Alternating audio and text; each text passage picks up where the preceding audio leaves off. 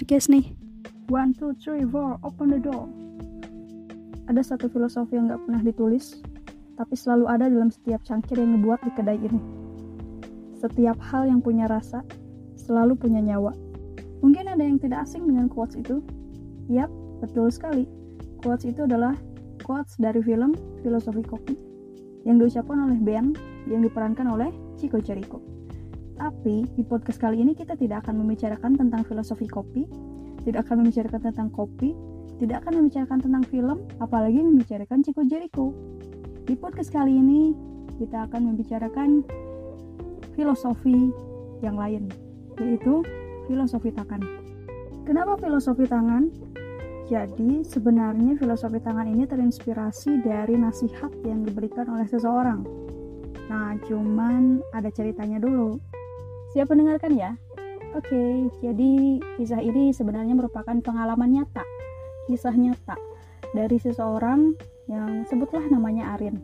Arin ini bekerja di salah satu lembaga atau institusi sebagai karyawan tidak tetap. Nah, karena statusnya sebagai karyawan tidak tetap, Arin pun memutuskan untuk mengikuti seleksi menjadi karyawan tetap.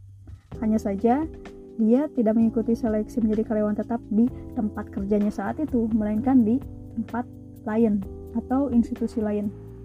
Singkat cerita, Arin alhamdulillah lolos atau lulus menjadi karyawan tetap di lembaga lain. Hanya saja waktu itu belum ada kejelasan kapan Arin harus bekerja di tempat kerjanya yang baru. Setelah penantian kejelasan status yang lumayan lama, akhirnya pada tanggal 5 Januari tepatnya setelah waktu sholat maghrib. Waktu itu Arin telah selesai melaksanakan sholat maghrib telah selesai mengaji dan karena dia merasa tidak ada yang harus dilakukan akhirnya dia pun memutuskan untuk bermain game. Waktu itu dia memainkan game sepak bola favoritnya. Arin ini cewek sih sebenarnya. Cuma ya gak tahu juga ya kenapa dia suka sepak bola. Game sepak bola tepatnya ketika sedang asik-asiknya dia bermain game sepak bola ternyata ada notifikasi masuk ke HP-nya dia agak kesal karena sebenarnya dia tipe orang yang tidak suka diganggu. Baik sedang bekerja apalagi lagi main game. Diabaikanlah notifikasi itu. Tapi notifikasi itu terus mengganggu. Akhirnya dia intip. Dia intip siapa sih yang terus-terusan mengganggu dia? Setelah dilihat ternyata ada pesan dari nomor yang tidak dikenal. Karena penasaran, Arin pun menutup gamenya lalu membuka aplikasi pesan. Aplikasi chatting lah ya. Ternyata nomor tidak dikenal itu adalah wakil kepala dari uh, lembaga tempat kerja Arin yang baru. Intinya adalah uh, beliau menyampaikan bahwa Arin sudah mulai bisa bekerja di tempatnya yang baru mulai hari Senin tanggal 11 Januari. Arin senang mendengar pesan itu karena artinya kini dia sudah mendapatkan kejelasan status. Kapan dia harus pindah ke tempat kerjanya yang baru dan dia pun kini sudah yakin. Saat itu dia jadi yakin untuk keluar saat itu juga dari tempat kerjanya yang lama. Setelah membalas pesan tersebut, Arin pun langsung menghubungi wakil kepala di tempat kerjanya saat itu untuk memberitahukan bahwa ya dia akan segera bekerja di tempat yang baru. Dan karena itu dia juga akan segera mengakhiri masa kerjanya di tempat kerjanya yang lama. Wakil kepala dari tempat kerja Arin yang lama saat itu membalas dengan ucapan selamat. Dan Pak Wakil Kepala waktu itu mengatakan kepada Arin kalau ada waktu besok datanglah ke kantor bicara langsung sama Pak Kepala, nanti Bapak antar. Begitu kira-kira isi pesan dari Pak Wakil Kepala di tempat kerja Arin saat itu.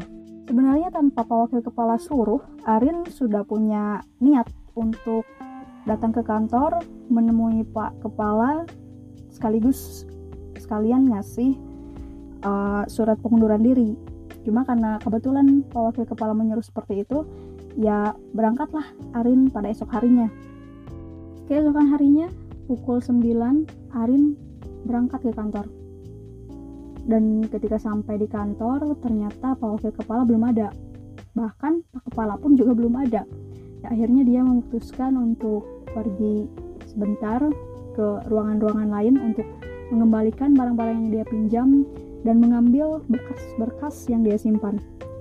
Setelah itu dia menunggu di ruang piket. Beberapa puluh menit menunggu di ruang piket, kok dia tidak juga melihat mobilnya Pak Wakil Kepala lewat. Akhirnya dia pun memutuskan untuk kembali ke ruangannya Pak Wakil Kepala. Ternyata Pak Wakil Kepala sudah ada di sana. Cuma Arin keduluan karena ternyata udah ada tamu di hadapannya Pak Wakil Kepala. Arin menunggu beberapa menit sampai tamu di hadapan Pak Wakil Kepala selesai dan keluar dari ruangan itu. Akhirnya giliran Arin untuk duduk di hadapan Pak Wakil Kepala. Lagi-lagi saat itu Pak Wakil Kepala mengucapkan selamat kepada Arin.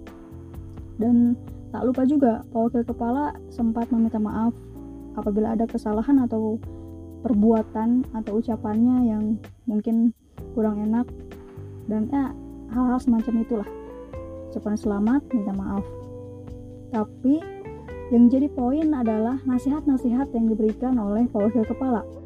Pak Wakil Kepala saat itu banyak memberikan nasihat untuk Arin nasihat bahwa dia harus selalu kuat mental namanya juga jadi karyawan ya harus kuat mental ya tapi nggak cuma itu yang paling berkesan adalah nasihat soal filosofi tangan Sebenarnya Pak Wakil Kepala nggak menyebut itu sebagai filosofi tangan, cuma karena saya yang dengar, saya dengar cerita itu dari Arin dan ya saya pikir boleh lah ya saya sebut nasihat itu sebagai filosofi tangan.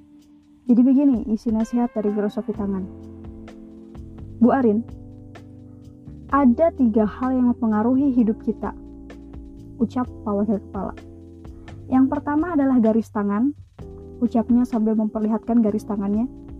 Yang kedua adalah campur tangan, dan yang ketiga adalah buah tangan. Beliau menggunakan buku dan ponselnya waktu itu untuk mengilustrasikan hal yang kedua dan yang ketiga. Oh iya, ada satu lagi, tanda tangan, tambahnya, sambil mengilustrasikan tanda tangan dengan pulpennya. Hal yang pertama adalah garis tangan. Semua hal yang terjadi dalam hidup kita sudah tergambar di garis tangan. Setiap orang memiliki garis tangannya masing-masing, dan itu sudah takdir dari Allah. Yang kedua adalah campur tangan, yaitu kelakuan kita sendiri. Jika garis tangan kita sudah bagus, tapi kelakuan kita tidak bagus, garis tangan itu akan rusak oleh campur tangan. Dan yang ketiga adalah buah tangan. Buah tangan itu artinya adalah pemberian, tapi yang dimaksud di sini bukan memberi sesuatu kepada orang lain seperti gratifikasi atau suap atau semacamnya, melainkan perbuatan kita kepada orang lain, kebaikan kita kepada orang lain. Jika kita banyak berbuat kebaikan kepada orang lain, tentu kebaikan-kebaikan itu akan kembali kepada diri kita. Waktu itu Arin cuma manggut-manggut aja dengernya, karena mungkin dia terlalu meresapi kali ya. Jadi kata-kata itu benar-benar menancap banget di Arin. Dan ya sama juga dengan saya, saya pun mendengar itu dari Arin, jadi hmm, merasa terinspirasi, termotivasi, dan dari situlah dari cerita Arin itulah saya pun terinspirasi untuk membagi kisah ini kepada para pendengar semua. Dan ya itu tadi karena pesan-pesannya nasihat-nasihatnya adalah tentang garis tangan buah tangan apalagi tadi campur tangan ada tanda tangan juga ya. Tapi Arin gak terlalu membahas soal tanda tangan ini karena tanda tangan ini kan uh, hanya di akhir sebagai pengesahan. Makanya saya pikir boleh lah ya saya kasih nama nasihat itu filosofi tangan. Sama seperti Arin saya pun jadi termotivasi terinspirasi dengan nasihat filosofi tangan itu setiap mulai ada masalah atau mulai ragu mulai takut jadi selalu ingat terhadap filosofi tangan itu makanya teman-teman semua yang masih selalu khawatir akan masa depan masih takut akan masa depan, nggak tahu harus gimana kita. Jangan khawatir, ingat aja dengan nasihat filosofi tangan itu. Yang pertama, ingat bahwa hidup kita ini udah diatur jalan hidupnya, jalan takdirnya, sudah ada garis tangannya. Tapi gak hanya mengandalkan garis tangan, kita pun ya harus selalu berbuat baik lah ya sama orang lain. Agar apa? Karena kan apa yang kita lakukan kepada orang lain akan kembali pada diri kita. Apa yang kita berikan kepada orang lain akan kita terima juga dari orang lain. Makanya harus selalu berbuat baik, harus selalu berprasangka baik, harus selalu berkata-kata baik kepada siapa pun, kapan pun, di mana pun. Karena itu akan kembali lagi kepada diri kita. So, setelah mendengar podcast ini, jangan khawatir lagi ya akan masa depan. Gak usah takut. Yang penting kita selalu berbuat baik, berkata baik, berprasangka baik. Oke, okay? selalu ingat filosofi tangan. Terima kasih sudah mendengarkan. Semoga bermanfaat. Wassalamualaikum warahmatullahi wabarakatuh.